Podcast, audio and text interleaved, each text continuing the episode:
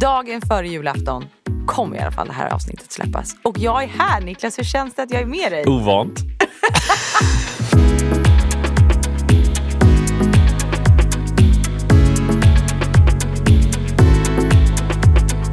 Så vem var vi för gäst idag?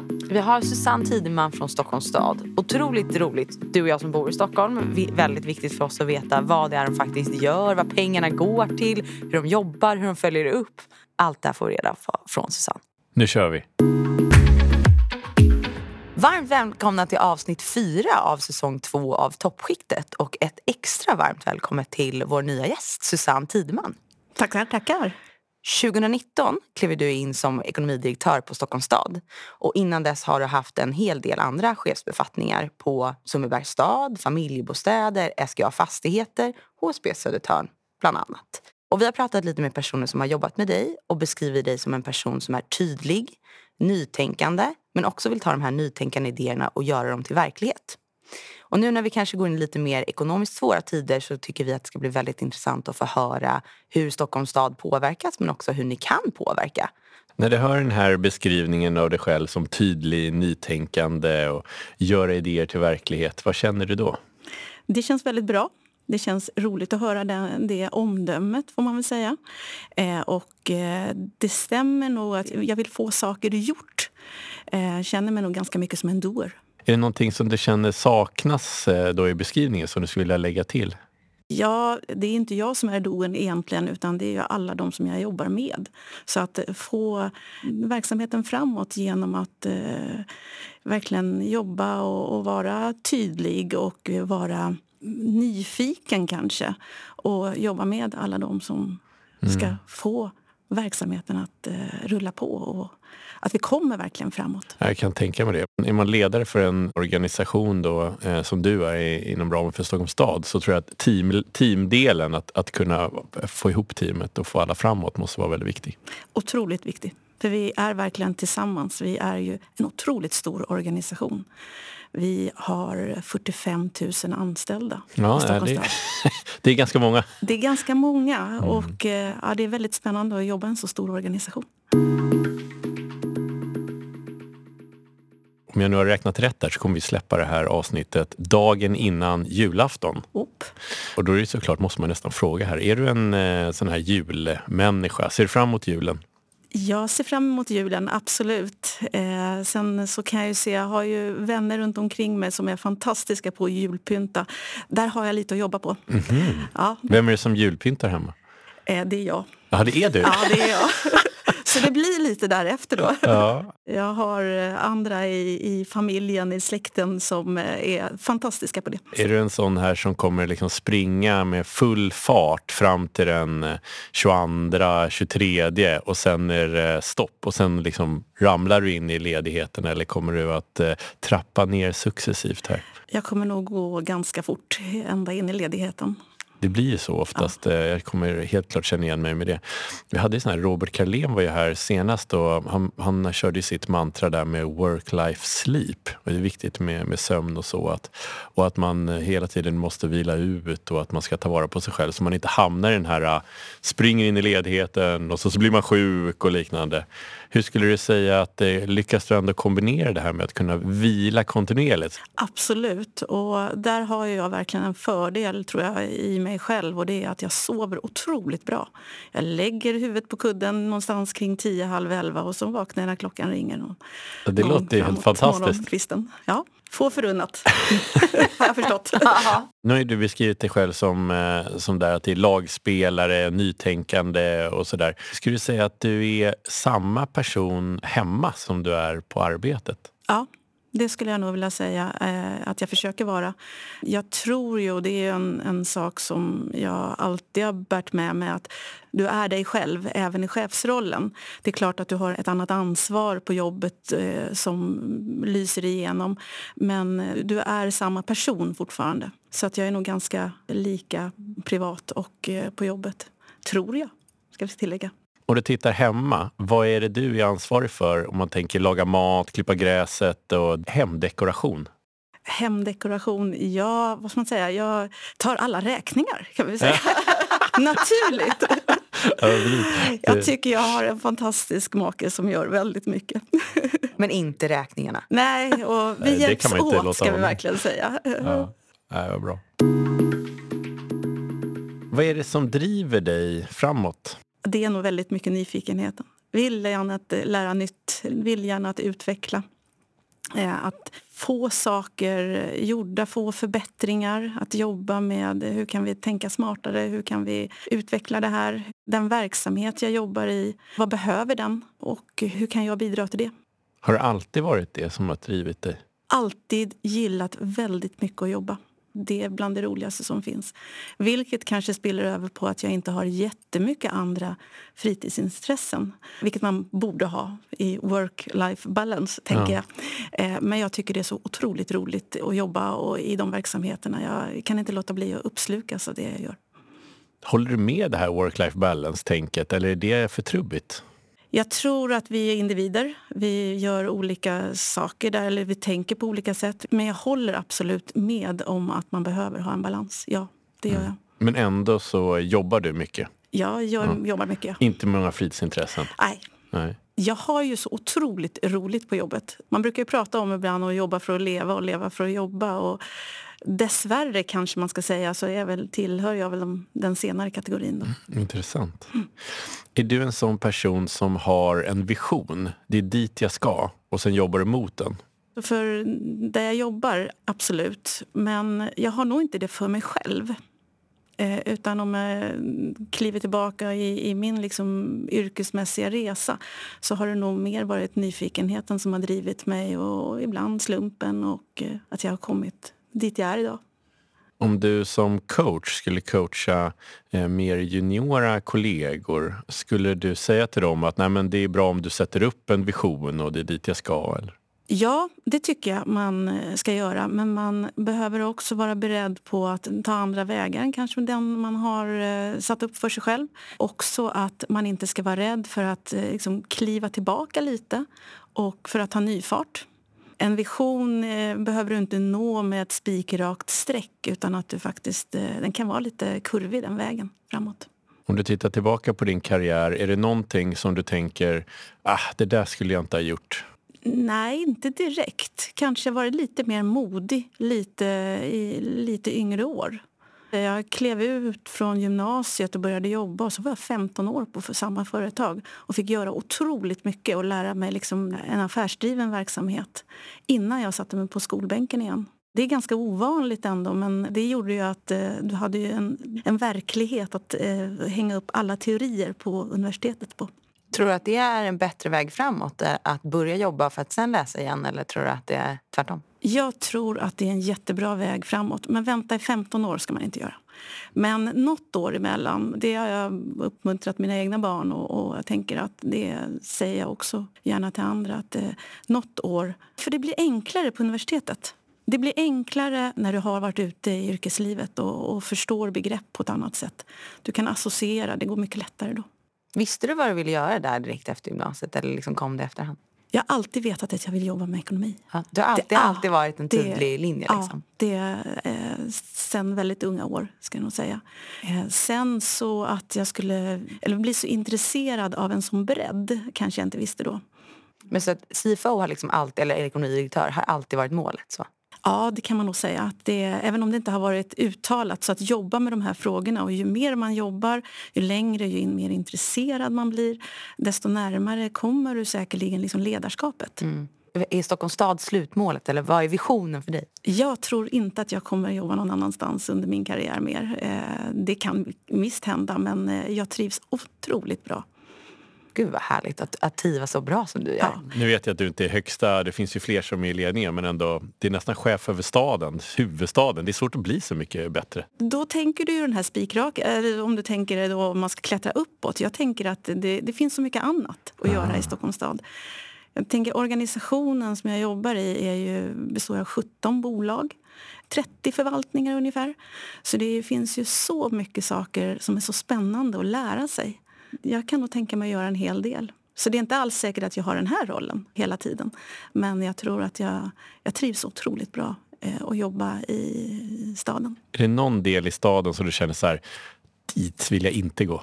Nej, det finns faktiskt ingen verksamhet i, i staden som jag inte skulle kunna tänka mig. Utan istället är jag nog väldigt nyfiken på otroligt många av dem. Jag tänk bara för att vara med på att ta beslutet på Guldbron. Ja. tänker om vi går in lite på, på Stockholms stad, då, lite mer åt det hållet. Både jag och Niklas är ju invånare i Stockholms stad, så för mig är du en väldigt viktig position. Men hur ser du på Stockholms stads uppdrag och din roll som CIFO? Så uppdraget för mig det är ju att eh, ha ordning på finanserna på toppen. Sen är det ju så att organisationen som jag sa är väldigt stor. Så att eh, i varje förvaltning i varje bolag så finns det ju någon som är ansvarig. Det finns en, en vd eller en förvaltningschef och där finns det ju också någon som är ansvarig för ekonomifunktionen på respektive. Så min roll är i statsledningen och på statsledningskontoret då, som är kommunstyrelsens eh, organisation för att styra och leda staden. Eh, det är att framförallt samla ihop, att vara stöd stötta, styra också och eh, konsolidera hela kommunkoncernen. Och eh, ur det ekonomiska perspektivet så har vi ju väldigt mycket övergripande frågor naturligtvis. Det är vi som tar fram på Stadsledningskontoret bokslut, årsredovisning men också vårt allra viktigaste styrdokument då, som är budgeten. Tycker du att budgeten är ditt viktigaste ansvarsområde? Eller vad är ditt viktigaste ansvarsområde? Jag tror att det viktigaste för alla oss som jobbar i, på stadsledningskontoret är att eh, få de uppdragen på det sättet som vår politik som, ändå, som styr staden. På det viset är ju det här uppdraget bland det finaste man kan ha. För att det, det är demokratins förlängda arm. Ni har varit med då som invånare i Stockholm och röstat. Vi har ett styre som då har sin inriktning på politiken. Det är de som beslutar. Det är deras budget som ligger till grund. Vi är stöd för att ta fram den. Och sedan så eh, hjälper vi kommunstyrelsen, alltså politiken att eh, få igenom sin vilja som de har blivit valda på helt enkelt. Det har ju nyligen varit val och det, det, har ju även blivit ett skifte inom Stockholms stad. Är det någonting som slår mycket på själva ekonomifunktionen också? Är det så att från ena dagen går det till en annan budget och helt plötsligt är det nya delar som ni måste förhålla er till? Eller hur ser det där ut? Nej, inte stort tycker jag. För det första så är vi väldigt vana. Det är ju så här. Vi är tjänstepersoner som jobbar på stadsledningskontoret. När det har varit val och vi får en ny majoritet när de har satt sig så är det ju spännande och roligt att sätta tänderna i den budgeten får fram. Är det väldigt rörigt innan allting händer? Att ingen vet vad man ska göra innan det verkligen har satt sig? Eller. Nej, det tycker jag inte. Nej. Det kan det säkerligen vara. Nu har jag bara varit med det här valet och det har gått väldigt smidigt tycker jag. Skönt att höra för oss som, som invånare ja, också. det, det, det flyter på väldigt bra.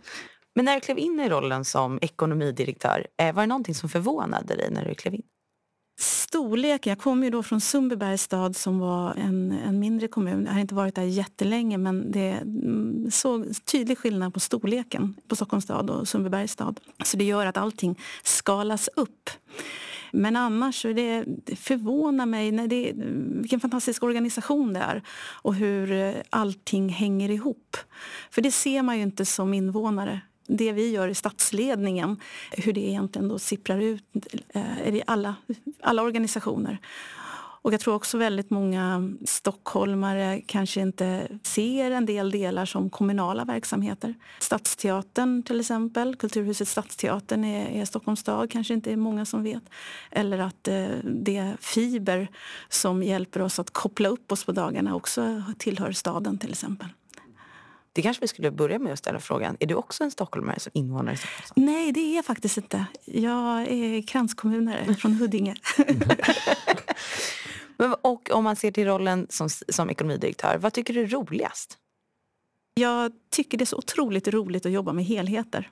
Så det allra eh, roligaste är ju att eh, se att det vi gör faktiskt gör nytta eh, väldigt långt ut i organisationen att vi kan vara stöd och stöttning eh, som eh, går vidare till eh, förvaltningar och, och, bolag. För det är faktiskt så att vi, vi har ett intranät, eh, det har ju de flesta, både företag och större organisationer. Och eh, jag tycker det är jätteroligt att läsa om verksamheterna där. Bland annat senast här tror jag det var om stadsdelsmammor, någonting vi har. Eh, och även olika verksamheter som presenteras. Och då känner man sig som en del av det. Du sa ju nu att du kommer springa ganska snabbt fram till jul. Vad är det du lägger mest tid på nu? Oj, det var en svår fråga. Eh, det är mycket som ska fram. Vi har en budgetdebatt nu på måndag, tisdag. Det är en liten nätt budget på runt 500 sidor. Eh, vilket i sig kan vara ganska bra för den är väldigt tydlig och den ska debatteras. Och efter det då så blir det ju lite saker som vi behöver ta upp i tillämpningsanvisningar och lite sånt där som vi behöver eh, se till att vi kan ta det vidare på det sättet som vi måste göra. Vad är det mest utmanande att vara ekonomidirektör på Stockholms stad? I min roll så ingår väldigt mycket att ha omvärldsbevakning och att eh, både agera men också behålla lugnet i frågor som rör ekonomisk utveckling, tänker jag. Eh, så utmanande, ja, jag tycker det är mer, mer roligt, spännande att ta sig an de utmaningar vi har. Vi tänker det händer ju väldigt mycket i omvärlden nu. Vi har eh, en inflation som är extremt hög. Vi har framför oss en eh, verksamhet som ska bedrivas och vi vet kanske inte riktigt vad samhällsutvecklingen tar vägen. Och eh, att då sitta och göra scenario, och jobba med det. Vad händer om arbetslösheten drar iväg? Eh, vi har, vi har ganska låg arbetslöshet i Stockholm. Det påverkar ju staden ganska mycket och våra verksamheter. Idag så eh, vi har ekonomiskt bistånd, om man så säger, som är ganska lågt idag. Eller ovanligt lågt. Och ekonomiskt bistånd, vad är det för någonting? Ekonomiskt bistånd det är till de som står väldigt långt ut och som har svårt att försörja sig själva. Det är eh, människor som inte har arbete eller uppbär a-kassa eller någonting sådant som behöver helt enkelt ekonomiskt stöd. Och det är någonting som lämnas utifrån vissa alltså principer. Då. Så det är ingenting man får lättvint om man så säger. Men det finns som ett, ett skydd om du som invånare riktigt hamnar i svår situation. Och eh, ofta är det ju kopplat till arbetslöshet. Så att eh, om arbetslösheten ökar utifrån det ekonomiska läget och lågkonjunktur så påverkar det ganska mycket. Och inte bara då ekonomiskt, för då behöver vi också bli bättre eller försöka sätta igång verksamheter på ett annat sätt. Vi har ju redan verksamheter att jobba med människor och få dem i arbete.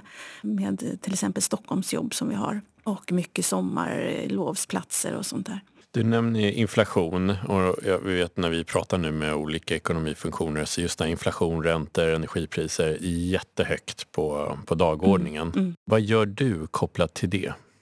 Räknar, får man då säga. Hur slår det här? Jag räknar på toppen och försöker få den här stora bilden. Men däremot så räknar alla förvaltningar, eh, tittar ju på hur kommer det här slå. Avtalen, många är ju kopplade inte till KPIF som är inflationstalet utan KPI som är ännu högre än inflationen just nu. Sen så har vi ju något som jag är extra involverad i. Det är kanske investeringar. För jag har en bakgrund eh, just att jobba med fastigheter. Så att eh, det tittar jag också på. Och vi har ett byggkostnadsindex som är extremt högt och eh, kopplat till att vi utvecklar i staden jättemycket. Vi investerar totalt över 20 miljarder per år. Och det är ju väldigt mycket pengar och då slår inflationen ganska hårt. Vad använder ni för data och modeller? Är det så att man sitter och knåpar i Excel eller är det ett team som sitter med verktyg? Vi kan säga så här, vi har ju en kommungemensam organisation, Sveriges kommuner och regioner, SKR, eh, som hjälper oss ganska mycket. Men det är klart att vi tar hem allting. Vi följer SCB-statistik, eh, Skatteverkets eh, statistik på löner och vi följer och försöker ta och göra egna beräkningar lite grann. Och sedan då inflationen såklart. Konjunkturinstitutet också. Stockholms handelskammare, om vi går eh, lokalt, gör ju också undersökningar. Hur tänker stockholmarna? Hur tänker företagen i Stockholm? Vad har de för framtidsutsikter? Det tar vi också med. Besöksnäringen är ju jätteviktig i Stockholms stad. Den 24 februari invaderade Ryssland Ukraina. Jag kommer ihåg det, för det var jag tror att dagen innan vi spelade in med Kerstin Alfons som sant här från Vattenfall. Och eh, det kändes som att då gick vi över en gräns. Då var det många riskscenarier och sådär, men då blev det lite mer verklighet. Hände det något speciellt inom Stockholms stad när det hände? Absolut. Det kom ju i samband med det sedan från EU också sanktioner. Om man tittar på finansavdelningen då, som jag är chef för så har vi inköp, ett strategiskt inköp hos oss. Där behövde vi rulla igång ett arbete med att se vilka verksamheter har kopplingar eller köper av Ryssland och titta på det. Mm. Och sen naturligtvis, vad är, vad är det som händer? Staden, kommunerna i landet är ju en del av det civila försvaret. En väldigt viktig del av det. Så det är klart att vi började också titta på robusthet i olika delar. För det händer ju också en hel del på IT-området då i samband med Rysslands eh, invasion av Ukraina att det börjar bli ännu mer it-attacker. Och det är också någonting som vi är väldigt måna om att stå stadigt mot. Vad är ditt ansvar i en sån här situation? Om man tänker mer beredskapsfrågor. Mitt ansvar och, och avdelningens ansvar är att se till att vårt ekonomisystem är uppe och fungerar. Att vi ska kunna betala eh, ut löner, att vi ska kunna betala ut eh, det ekonomiska bistånd som vi har. Vi ska kunna betala våra leverantörer. Vi behöver också kunna följa lagen, att upprätta en budget till exempel. Så det, det, finns några såna här eh, punkter som är högst upp på agendan i ett eskalerande läge. När Jörgen Edberg var här från Sveriges Radio så pratade han, när han fick liknande fråga, om vikten av också att säkerställa att verksamheten kunde fungera utifrån finansiering och allt från kostnader om något skulle hända eftersom radion är så viktig för Sverige då eh, utifrån ja, hela samhället vid en eventuell krigssituation. Är det liknande frågeställningar som du också är involverad i? Ja, det, det blir ju kopplat till just att kunna få ha det finansiella flödet igång och kunna göra inköp och ha en relation till leverantörer även framgent så att säga, och under ett sånt skede. För verksamheterna måste ju fungera. Och det är väl det som är så häftigt med eh, Ukraina får man väl ändå säga. att Vad jag har förstått så har liksom IT fungerat där och man har, barnen har gått till skolor eh, till stor del. Och i ett sånt läge när vi pratar eh, så invånare i Stockholm måste känna eh, att staden finns där för, för dem. Och att vi kan öppna upp mötesplatser, att skolan fungerar så långt som möjligt. Och inte minst omsorgen om de äldre och eh, grupper som bor till exempel på LSS-boenden. Eh, nu i och med som vi har varit inne på med eh, kriget i Ukraina, finns det någonting därifrån med tanke på öppenheten där som Stockholms stad kan lära sig från hur de har opererat under kriget? Någonting vi ser i Ukraina det är att de offentliga verksamheterna har verkligen försökt hålla uppe. Och hur viktigt det är för invånarna att vardagen ändå flyter på. Och det tror jag är någonting som vi vet och eh, vi verkligen jobbar efter utifrån om det skulle hända ett läge här. Krisen i Ukraina kom ju direkt i anslutning efter pandemin eller i slutet av pandemin. Och även under pandemin så såg vi hur viktigt det var att liksom alla verksamheter fungerar. Att det finns en trygghet i det.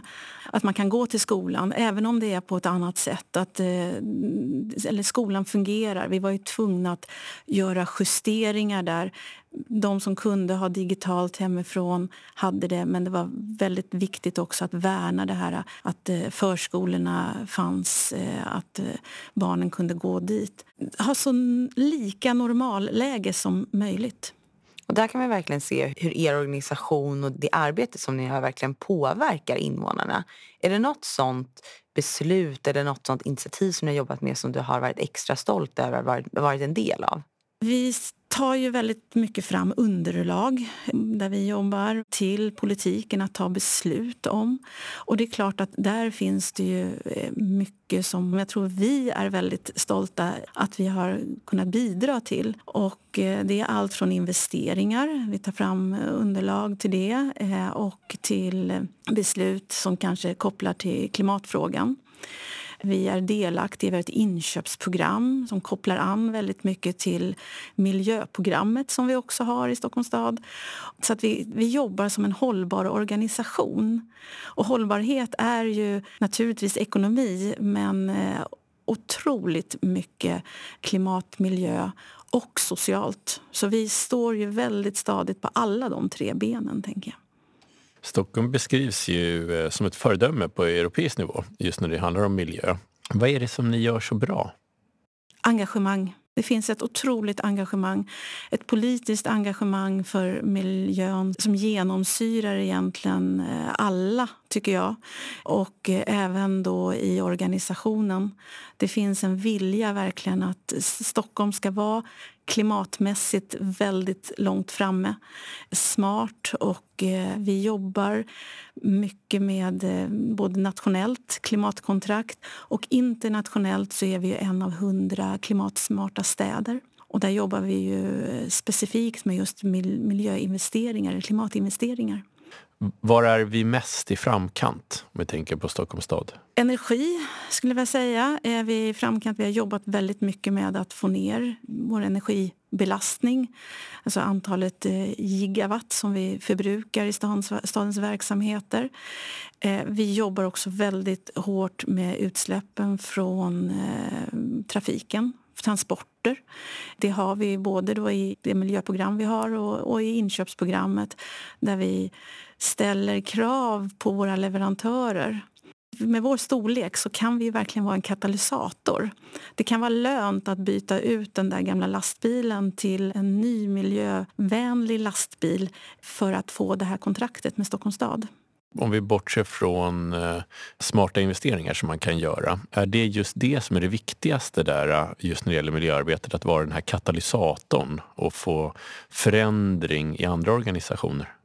Oj, det borde kanske någon annan svara på, tänker jag. Men, men eh, samtidigt, så, alltså, ur mitt perspektiv, eh, så är det det som vi kan vara med och påverka verkligen. Och på det viset så blir det väldigt viktigt. Eh, men det är en otroligt viktig del och det tror jag alla är överens om. Om du tittar på andra städer runt om i Europa och världen, är det någonting som Stockholm kan lära av andra? Det är det definitivt, men jag, jag har inte något exempel där jag ger dig. Nej, inte jag heller. Det vore intressant. Ja, precis. Men där är ju samarbetet jätteviktigt. Eh, och där går vi ett steg längre nu med det här 100 klimatsmarta städer. För där får vi också eh, dels ett utbyte med övriga städer i Europa och även Sverige, för det är andra svenska städer som är med också. Men så får vi också stöd och hjälp hjälp från utlandet eh, via EU. Då. Så det är också väldigt spännande. Någonstans är ju ledordet tillsammans och samverka. Eh, vi är 290 kommuner i Sverige och tillsammans så kan vi tänka ganska klokt och smart. Jag tänkte fråga lite grann om eh, just infrastrukturen kopplat till laddstolpar. För det är ju en del där ni verkligen kan påverka. Mm. Skulle du säga att Stockholms stad eh, ligger i framkant just till infrastrukturen kring laddstolpar? Spontant ja. Då har jag inte jämfört med andra. Men jag vet ju hur otroligt mycket vi jobbar med frågan. Så jag tror att vi ligger i ganska ordentlig framkant där. Hur kan vi se det här utvecklas under kommande ett, två, tre åren? Det kommer bli mer det blir, mer. det blir mer laddstolpar. ja. Är det någonting mer vi kan förvänta oss? Eh, jag tror att vi kan förvänta oss än mer fokus på just klimatfrågan och eh, också att vi som invånare verkligen kan göra ganska mycket. Bara matinsamling. Samlar vi in mat, gör vi det, så blir det värme i våra hus. Då behöver vi inte köpa el eller använda fossila bränslen utan vi, det blir faktiskt eh, uppvärmning. Man räknar med att Stockholm ska öka med ungefär 104 000 personer till 2030. Och eh, som ekonomidirektör för Stockholms stad, hur jobbar man med prognostisering i förhållande till, till en befolkningsökning inom, inom staden? Jättebra fråga, för den är en av de absolut viktigaste eftersom det är ju befolkningsutvecklingen och sammansättningen som eh, väldigt mycket styr vår ekonomi och hur, vilka verksamheter som behöver verkligen öka. Och där ser vi ju extremt mycket äldreomsorgen. Och kopplat till befolkningsökningen så har vi ju kompetensbehovsutmaningen. Och den utmaningen den kommer också landa i ekonomiska termer tänker jag så småningom. Men det vi ser idag det är att vi måste ju effektivisera eller tänka på nya sätt.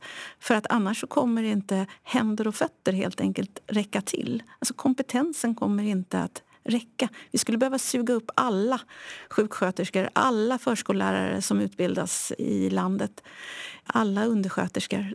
Det räcker inte. Och hur jobbar ni med det här? Vi jobbar genom att eh, titta på eh, dels hur vi kan förbättra, ständiga förbättringar. Vi behöver digitalisera eh, jobba med den utveckling, med innovation naturligtvis, tänka verkligen nytt. Och där blev det en liten skjuts under pandemin kan man väl säga. Där kanske ännu mer av invånarna såg nyttan med just de digitala hjälpmedlen. Vi har på några delar i stan digitala fixare som hjälper äldre att komma igång med sina smarta telefoner, iPads eller liknande. Jag tror vi måste tänka nytt. Är det svårt att prognostisera framåt för er? Vi har ju hjälp att eh, göra de här beräkningarna och statistiker som, som jobbar med det. Men det är klart det är, jag tror att det var nog, vi har haft en stor nedgång på födelsetalen i år. Det är ju generellt i hela landet. Jag tror siffran som jag såg i våras, då låg vi, hade vi 16 procent färre barn än motsvarande period tidigare år. Oj, varför då? Det vet jag inte. Svarar inte statistikerna på det? Men en del var väl pandemin i den frågan? Var det inte kan mycket väl Att folk var oroliga för att skaffa barn under pandemin? Ja, Jaha. och samtidigt så var ju det 2021 och barn som är födda då 2021 kan man väl tänka kom till 2020 Mm. i pandemin ändå. Så att det, det är lite svårt. Så vi ser. Jag är en del av statistiken. Jag födde ju barn under 2022 i alla fall. Ja. Det är bra där. Ja. Jag bidrog. Tack. Vadå, Så det innebär att det blir fler förskoleplatser, enklare att välja kanske? Tack. Ja. Ja, eh, precis. Men det är ju svårigheter för då, du, du har ju verksamheter som behöver eh, anpassa sig eh, efter befolkningen och det vi verkligen ser framöver det är att de, de som är 65 plus kommer att öka jättemycket. Och vi behöver vara en riktigt bra och äldrevänlig stad så att eh, fler personer kan bo hemma längre. Befolkningen är ju mycket friskare också, tänker jag. Eh, så att det, det löser sig, men vi vet ändå att vi har utmaningar. Men hur fungerar det? Blir det som att du, ni sitter med de här statistikerna som tar fram de här modellerna och så rasslar det fram så här mycket kommer det extra kosta för äldre, för skola, men vi sparar lite på där. Eh, och, och sen så påverkar det budgeten. Ja, antalen i olika åldersklasser, naturligtvis elever, förskolebarn, det påverkar ju budgeten. Det är fakta. Där har vi ju skolpeng, vi har förskolepeng. Men eh, att det ramlar ut när statistikerna har kommit, nej, vi får räkna själva och göra antaganden, tänker jag. Har det hänt någonting att ni har haft era antaganden men sen så märker ni att ah, här har vi gått fel. Vi behöver skjuta till extra pengar för den delen eller här blev det för mycket. Och... Jag tror att det händer ganska ofta. Vi har ju en del medel, pengar, då, det styrs ju efter faktiskt utfall.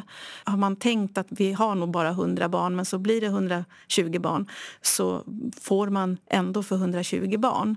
Men eh, det är klart att vi vet ju inte vad som händer framåt. Det är så mycket vi inte kan förutse.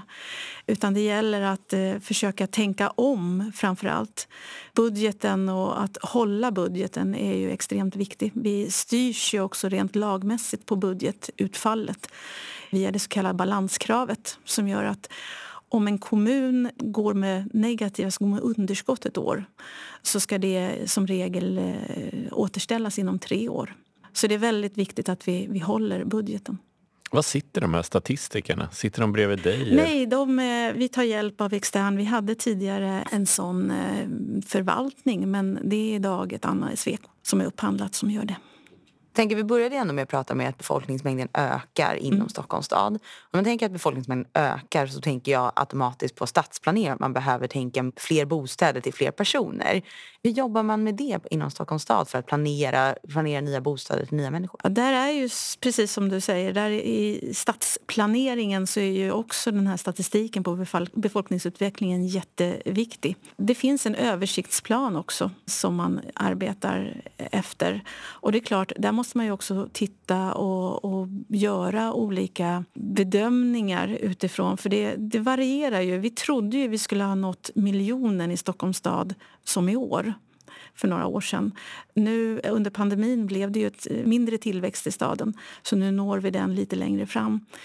Man har ganska långa cykler när man planerar. Och så har vi ju också, just när det gäller bostäder, så har vi ju i staden också tre väldigt stora bostadsbolag. Fina bolag, får jag säga. Kommer alla 104 000 personer få plats helt enkelt i Stockholm? Ja, men det tror jag. Vi har mycket rum. Om man tänker på bostadsplanering så, så kan man också snabbt komma in på frågan kring integration och hur det jobbar i de olika stadsdelarna. Vad är Stockholms stads ansvar kopplat till integration och er roll inom ekonomifunktionen? Det är klart att staden har ett ansvar att eh, ta hand om sina medborgare. Att vi får en stad som håller samman eh, väldigt mycket. Att det, vi har en stad som är jämlik över alla stadsdelar. Så det är en fråga som vi jobbar jättemycket med. Och den budgeten nu som vi kommer debatteras på måndag och tisdag den innehåller väldigt eh, mycket just sådant att vi får större fokus bland annat nu på Järvaområdet. I valet har det varit en stor debatt kring kriminalitet och brottslighet. Jag läste att man, 70 miljoner investeras i trygghet varje år i Stockholms stad. Hur ser det ut för frågorna kopplat till trygghet? Vad gör man i Stockholm för att öka tryggheten? Det börjar ju naturligtvis, alltså, jag höll på att säga nästan, eh, man borde börja på BB, men nästan där. Det, det, är ju att jobba jättemycket med, eh, med ungdomarna eftersom vi kan göra jättemycket i den fysiska miljön. Om vi tittar på Rinkeby till exempel så är det ett jättefint område. Klart att vi alltid kan göra mer. Men det handlar också väldigt mycket om att satsa på, på barn och unga och se till att de, att de får bra förebilder. Och där finns det ju jättemycket arbete.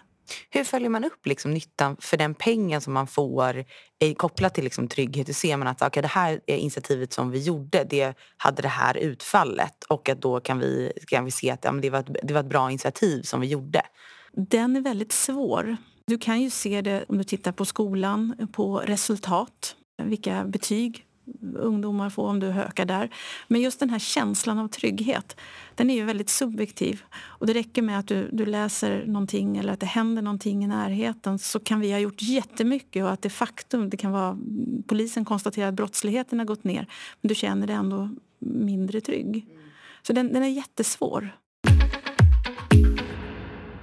Som en avslutande del så tänkte jag att vi skulle gå in på finansieringsfrågan. Jag läste att ni har 60, ungefär 63 miljarder i skuld. Hur jobbar ni med den finansieringsfrågan? Vi har en internbank. Den finns eh, på finansavdelningen, då, naturligt nog. För att säkra finansieringen så, så jobbar vi med olika marknadsprogram.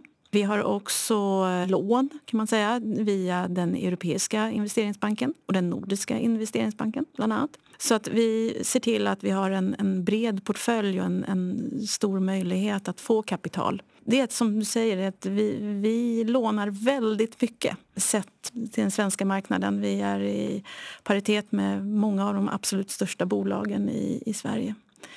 Men det är en verksamhet som eh, vi har stort fokus på.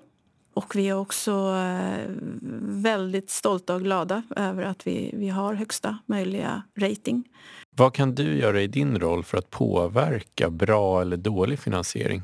Vi jobbar ju väldigt mycket med att vara en väldigt attraktiv låntagare.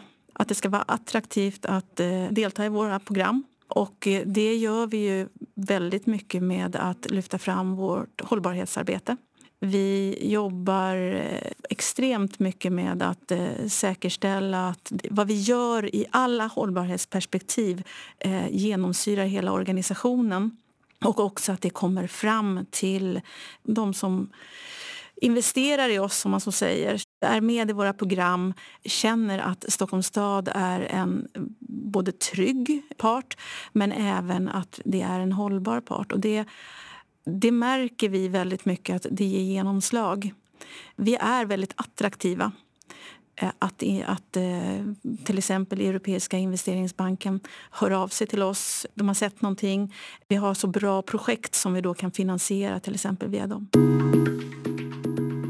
Susanne, jag vet att du måste springa. Så tack så jättemycket för att du kom hit och delade med av dina insikter. Och framför allt allt bra som ni gör för Stockholms stad. Tack så jättemycket. Stort tack. Och det här är ju sista podden för det här året. Men nästa år så kommer vi tillbaka med nya gäster och ny energi. Det gör vi. Så med det sagt vill jag önska er alla en riktigt god jul och ett gott nytt år.